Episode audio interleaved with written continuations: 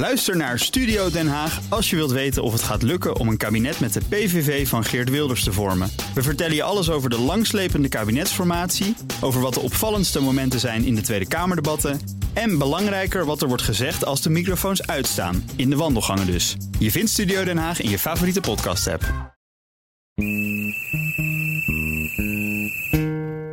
NS moest in coronatijd overleven. Het land zat in lockdown en na corona zouden we blijven thuiswerken en dus moesten er 2300 banen weg. Maar na corona gingen we toch naar kantoor en stonden er juist 11.000 vacatures open. Eind vorig jaar waren er elke dag 300 tot 400 conducteurs en 100 tot 200 machinisten te weinig voor een volledige dienstregeling. En die werd dus uitgekleed. NS heeft dringend veel, heel veel nieuw personeel nodig. Maar lukt dat? En zijn meer mensen ook de oplossing? We moeten het in deze serie over de spoorwegen dus zeker ook over de mensen hebben. En dan toch ook over één zwarte bladzijde waar we gewoon niet omheen kunnen. NS zou nu gouden tijden moeten beleven. Spoorboekloos rijden, minder vertraging en tevreden reizigers. Maar het liep anders. Propvolle treinen, een record aantal klachten en een schreeuwend personeelstekort. Terwijl Europa druk uitoefent om het spoormonopolie in Nederland te doorbreken. Toch is het niet de eerste keer dat de toekomst van de Nederlandse spoorwegen in gevaar is. Kan NS zichzelf weer opnieuw uitvinden? Mijn naam is Ruben Eg. En ik ben Martijn Rijk. Hoge bomen. NS. Alle seinen op rood. Aflevering 4. Kaartcontrole. Er zijn eigenlijk best wel veel mensen die gewoon keurig netjes ingecheckt zijn. Hè? Klopt, ja. In uh, bijna iedereen. Nou ja, iedereen was uh, hier uh, ingecheckt inderdaad. Nou, één gevalletje spannend. Die kon even zijn QR-code niet vinden. Maar hij liet wel al zien dat hij hem had betaald, dus dat kon ik zien. En toen heb ik hem geadviseerd om de app even te downloaden. En toen, kon toen hij had hij hem. Klopt, toen kon hij hem ophalen. Roxanne werkt bij NS. Zij heeft ruim 19.000 collega's. Maar dat zijn er niet genoeg. NS zoekt overal naar nieuwe conducteurs en machinisten. Ik ben Roxanne Hensen. Ik uh, ben 27 jaar en ik uh, zit nu dan twee jaar uh, in het vak als HC. Hoofdconducteur.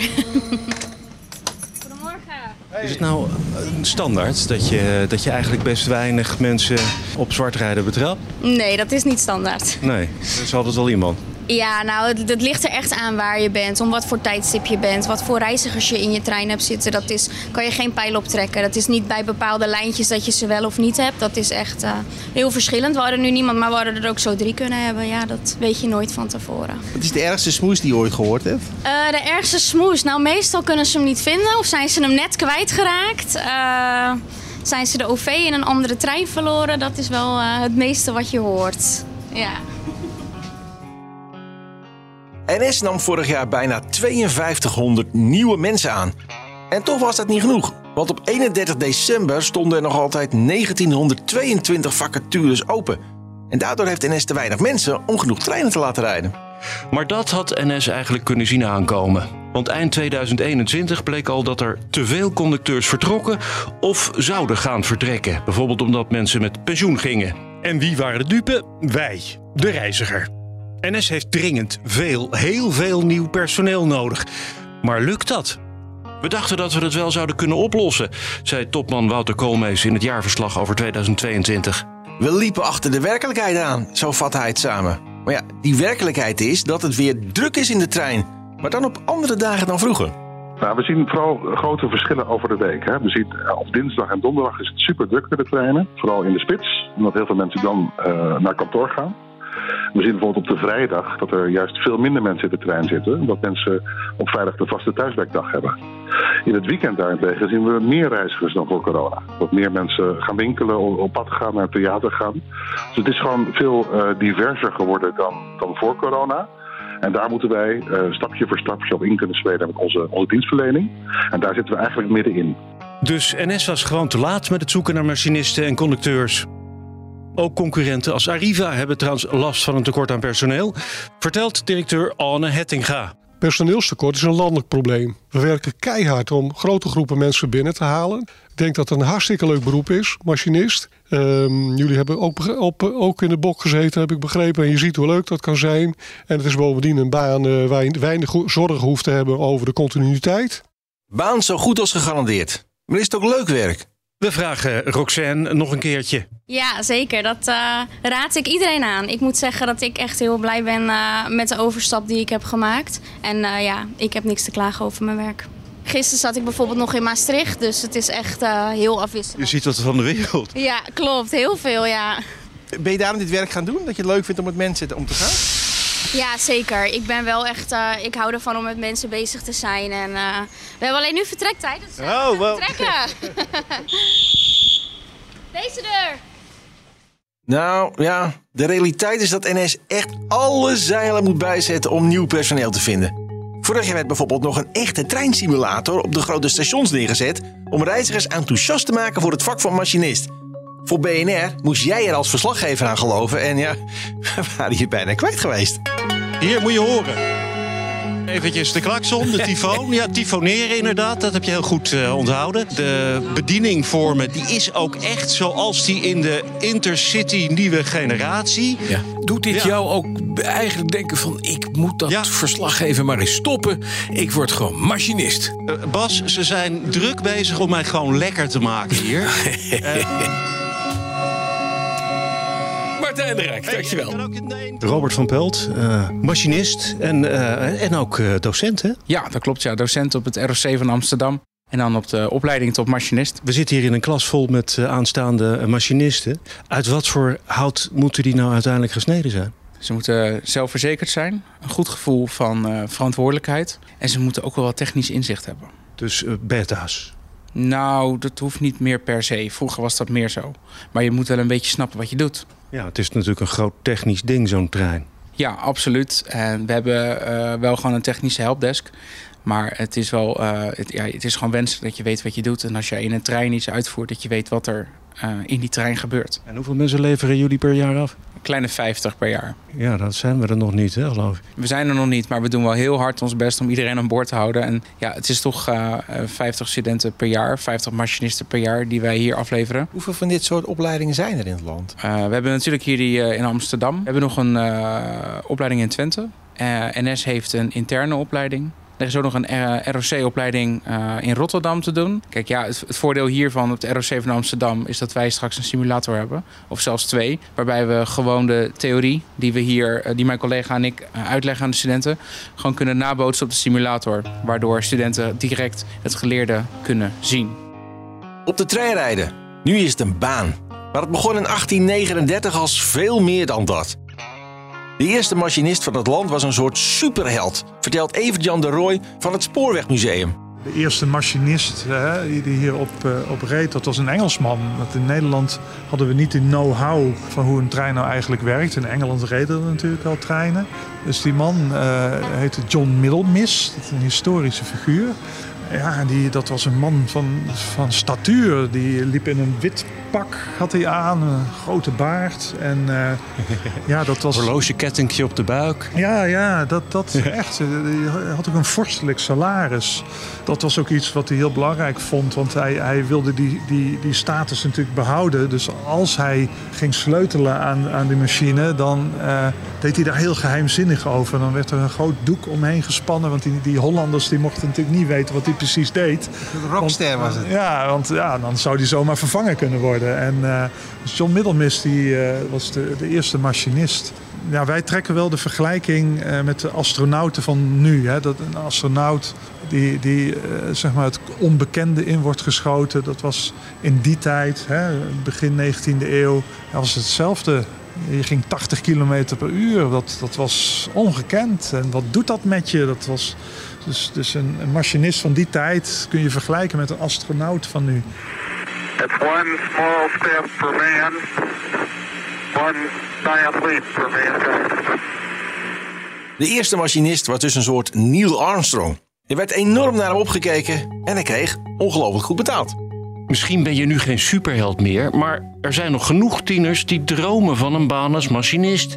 Roberto. Rens. Sager. Kevin. Sander. Vijf nieuwe machinisten. Wat bezielt je om dat te willen doen, joh? Kom denk ik sinds de eerste keer dat ik met mijn ouders treinen ben gaan kijken. Daar begon het eigenlijk wel. eh, Dat zo'n trein eh, van zoveel ton voorbij raast met zo'n snelheid. Al die mensen, een hele trein vol en jij bent de baas. Het geeft je ook een verantwoordelijkheidsgevoel. En dat is echt een jonge stoom die uitkomt eh, om dit te doen. Gewoon onderweg zijn. Overal en nergens.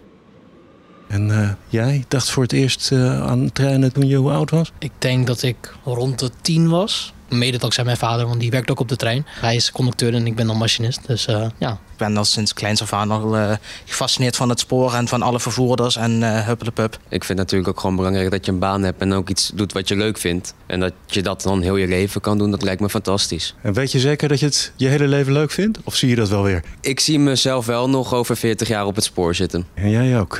Ja, zeker. Gewoon totdat het niet meer kan. Altijd op de trein. Echt een, ja, gewoon passie blijven volgen. En uh, dat komt zeker goed. Zo'n machine van geen idee hoeveel ton, uh, maar genoeg in ieder geval. Uh, dat je die gewoon, ook als zo'n trein voorbij rijdt, dat je gewoon zo'n klein poppetje ziet die de trein bestuurt. Dat vind ik wel cool. Wat is er moeilijk, hè?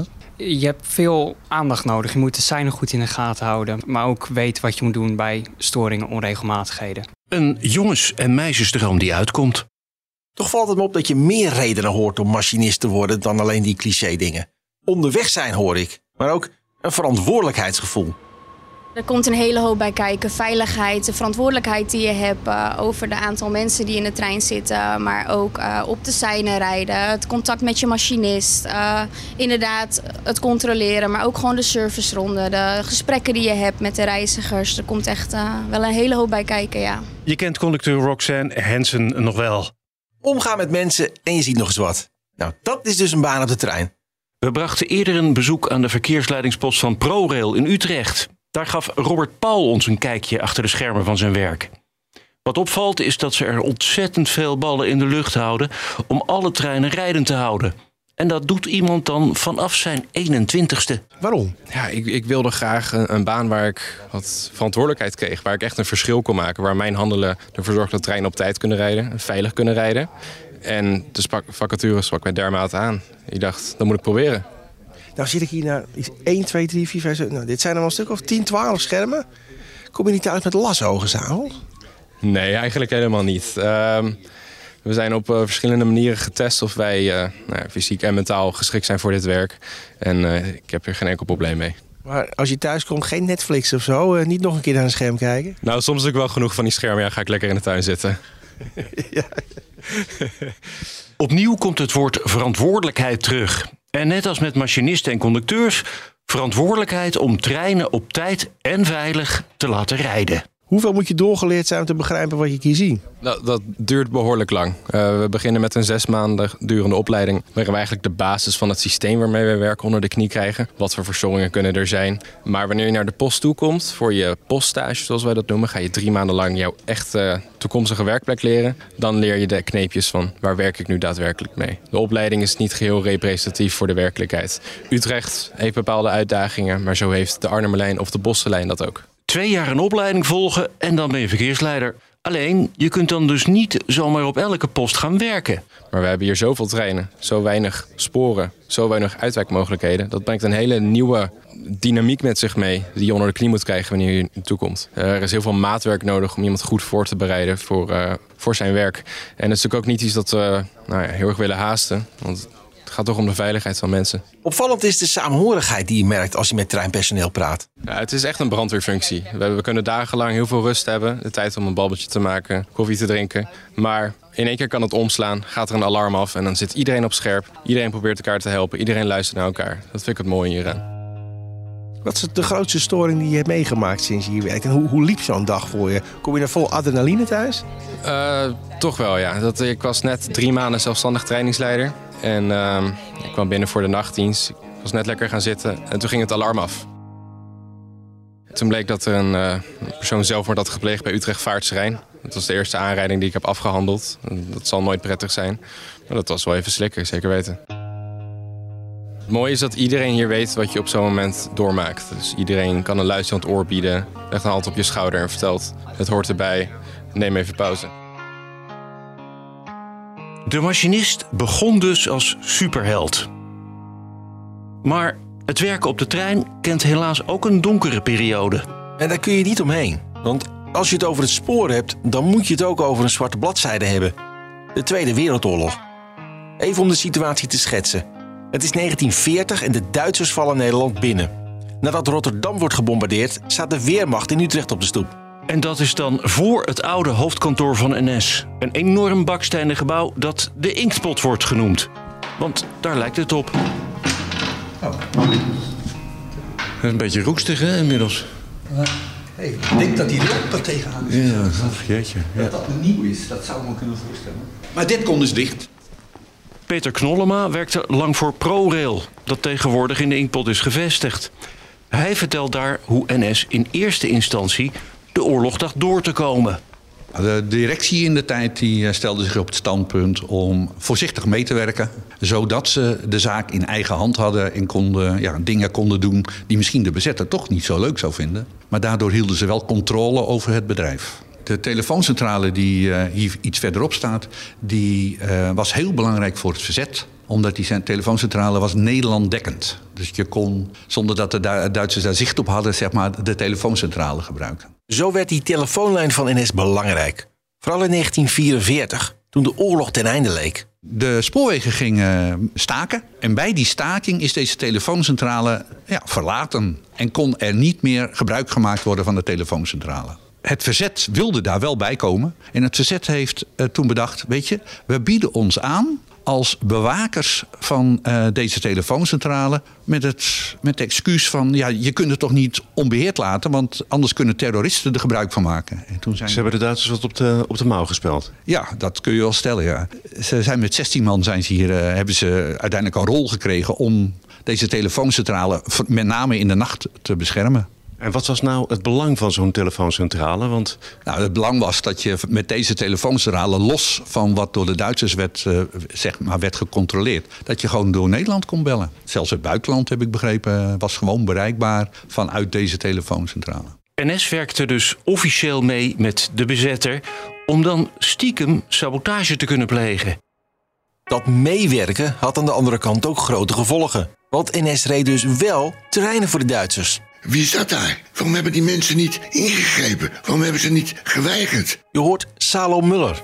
Hij is 87 jaar en zijn stem is wat beschadigd door corona. Salo Muller is in Amsterdam bekend als de fysiotherapeut van het gouden Ajax van Johan Cruijff. Landelijk is hij bekend als degene die een schadevergoeding voor holocaustslachtoffers bij NS regelde. In de oorlog werd de jonge Salo Muller op het nippertje gered nadat zijn ouders bij een razzia werden opgepakt. Met de trein werden zij naar concentratiekampen afgevoerd. En dat beeld, dat kleeft aan veel overlevenden van de holocaust. Kijk, de, je moet zo zien, in de oorlog hebben de Duitsers de wagons en personeel gecharterd van Nederlandse spoorwegen. Die hebben dat keurig gedaan, die hebben er veel geld voor gekregen. En de spoorwegen, er is over geklaagd toen. Jongens, jullie hebben zoveel mensen laten deporteren met jullie trein, locomotieven. En toen heeft meneer Van Schaik, de toenmalige directeur, gezegd... ja, inderdaad zijn we fout geweest. En die heeft zijn excuus aangeboden. Want ja, verzetsdaden of niet, ondertussen deed NS gewoon keurig wat de Duitse bezetter vroeg. Vergeet niet, dat als de Duitsers tegen de spoorwegen zeiden... we hebben twaalf wagons nodig en drie locomotieven en personeel...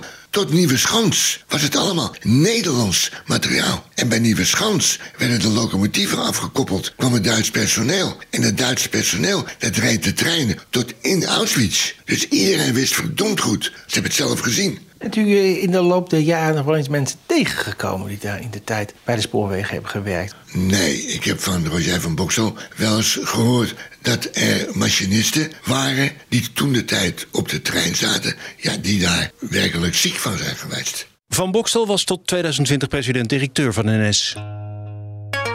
De Nederlandse spoorwegen gaan overlevenden van eh, concentratiekampen en direct nabestaanden van holocaust-slachtoffers financieel tegemoetkomen. De NS heeft zich in de, de Tweede Wereldoorlog niet verzet tegen de deportatie van Joden per trein, bijvoorbeeld naar kamp Westerbork. Het bedrijf eh, verdiende daar zelfs geld mee. Veertien jaar geleden bood de NS al een keer excuses daarvoor aan. En nu komt er dus ook een financiële compensatie. De trein blijft onlosmakelijk verbonden met de holocaust. Het duurde lang, echt heel lang, voor NS hiermee in het reinen kwam. En niet alleen NS, ook de Franse spoorwegen. En bij de Duitsers is het touwtrekken nog niet eens voorbij. voor mij is de zaak nog niet klaar. De treinen gingen tot Nieuweschans. En vanaf Nieuweschans gingen de Duitse treinen. En ik ben nu met een Duitse advocaat bezig om de Duitse spoorwegen aansprakelijk te stellen. Deutsche Bahn dus? De Duitse Bahn, ja, die zeggen dus... Ja, maar meneer Muller, Herr Muller, wij eh, hebben daar niks mee te maken. Ja goed, het is een heel ingewikkeld proces. En ik denk dat het ook jaren duurt. Maar ik ben daarmee bezig. U geeft toch niet op? Ik geef het zeker niet op. Het personeel van de Nederlandse spoorwegen reed dus treinen voor de Duitsers. Maar er werden ook verzetsdaden gepleegd.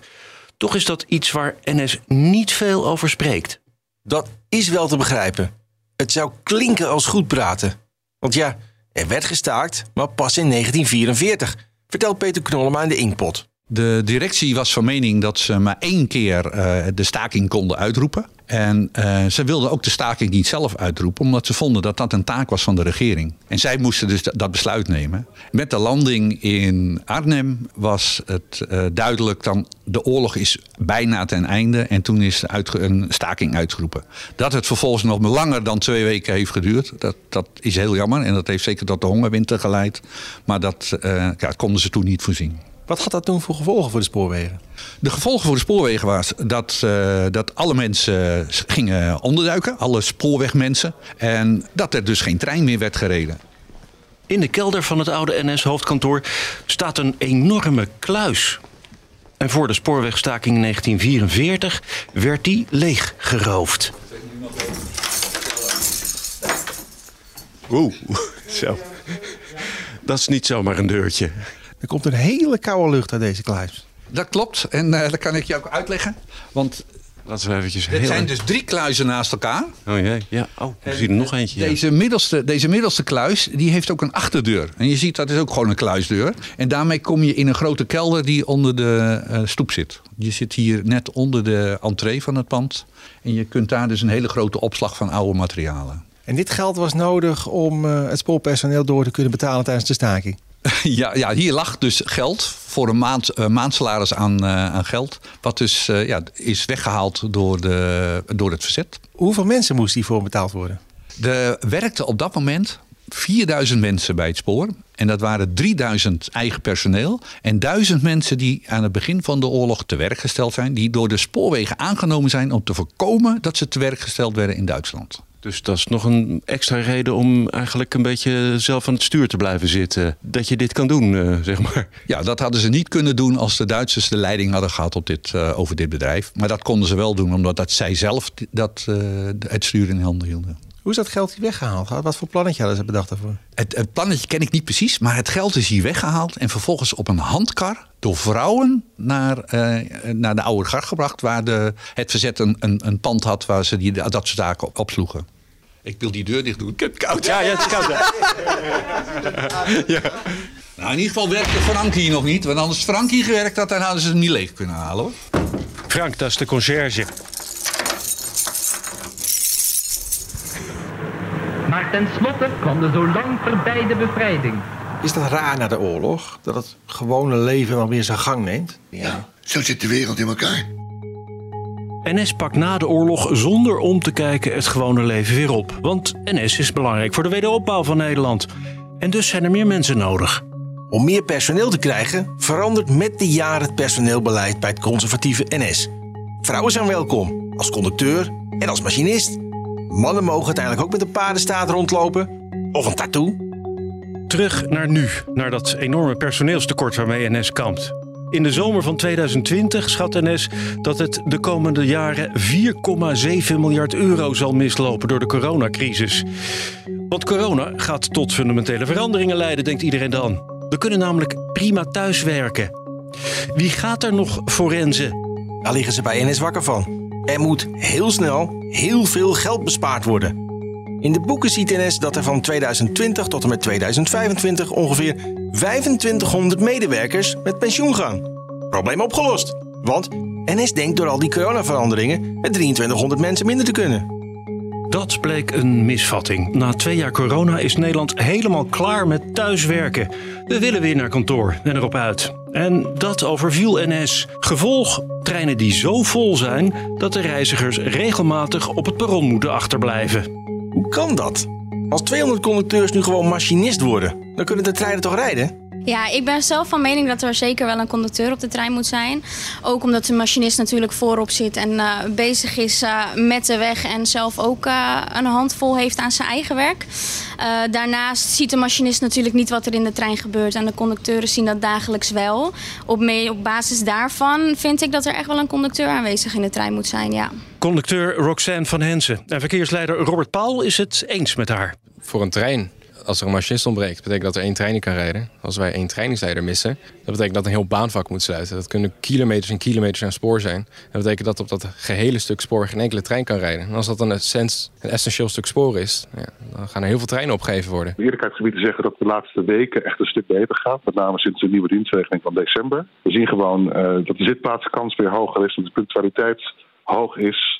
Uh, dat de uitval uh, kleiner is. Dus het zijn allemaal uh, positieve ontwikkelingen. We zijn er nog niet. We hebben nog echt nog wel stappen te zetten. NS is sinds het najaar als een razende nieuwe mensen gaan aannemen en opleiden. Yo, mijn naam is Chotlo en ik ben een high school dropout. Ik verdien al bakken met geld terwijl ik gewoon nog in opleiding zit. Mijn secret ga ik nu met jou delen. Bij de techniekfabriek volg jij een betaalde opleiding tot monteur treintechniek. Live your best life. Zelfs je stages worden geregeld. Ik kan het niet vaak genoeg zeggen. Maar... Ook kantoorpersoneel helpt op bepaalde dagen mee op de trein. En ook de nieuwe baas zelf, die stroopt de mouwen op. Hij doet een uh, opleiding tot hoofdconducteur. Ik heb uh, de eerste dag gedaan uh, van, van de opleiding. Ik heb een, een aangepast programma. Ik heb elke maand één opleidingsdag in ons leercentrum in, Aap, in Amersfoort. En dat betekent dat ik einde van het jaar, als het goed is, gediplomeerd conducteur ga worden. NS-topman Wouter Koolmees, die dus nog wat stappen moet zetten. Zoals de dienstregeling weer, weer een beetje aankleden. Ondertussen gaat het werk wel gewoon door. Voor bijvoorbeeld Roxanne. uh, with the chip card, you can make a reservation for the bike. For the bike, yes. Because I did uh, buy the machine and it costs like 8 euros a part of the. Yes, it's a part. Nou, uh, Roxanne, fijne shift verder. Ja, dankjewel. Gaat de rit nu heen?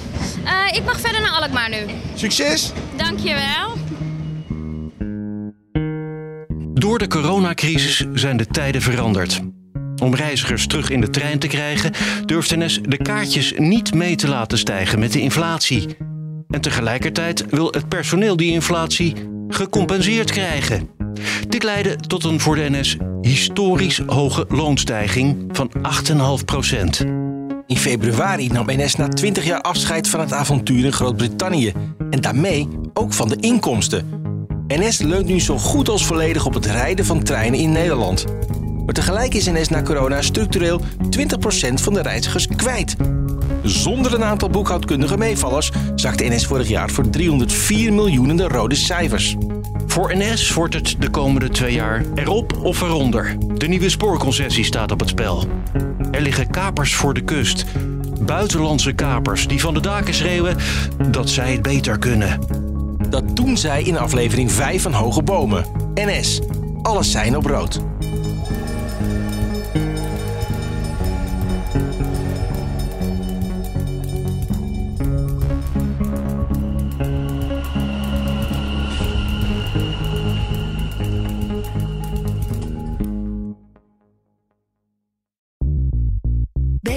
Ben je altijd als eerste op de hoogte van het laatste nieuws. Luister dagelijks live via internet. Bas van Werven. En heel langzaam komt de zon op rond dit tijdstip. Je krijgt inzicht in de dag die komt op BNR, het Binnenhof in Nederland en de rest van de wereld. De Ochtendspits. Voor de beste start van je werkdag. Blijf scherp en mis niets.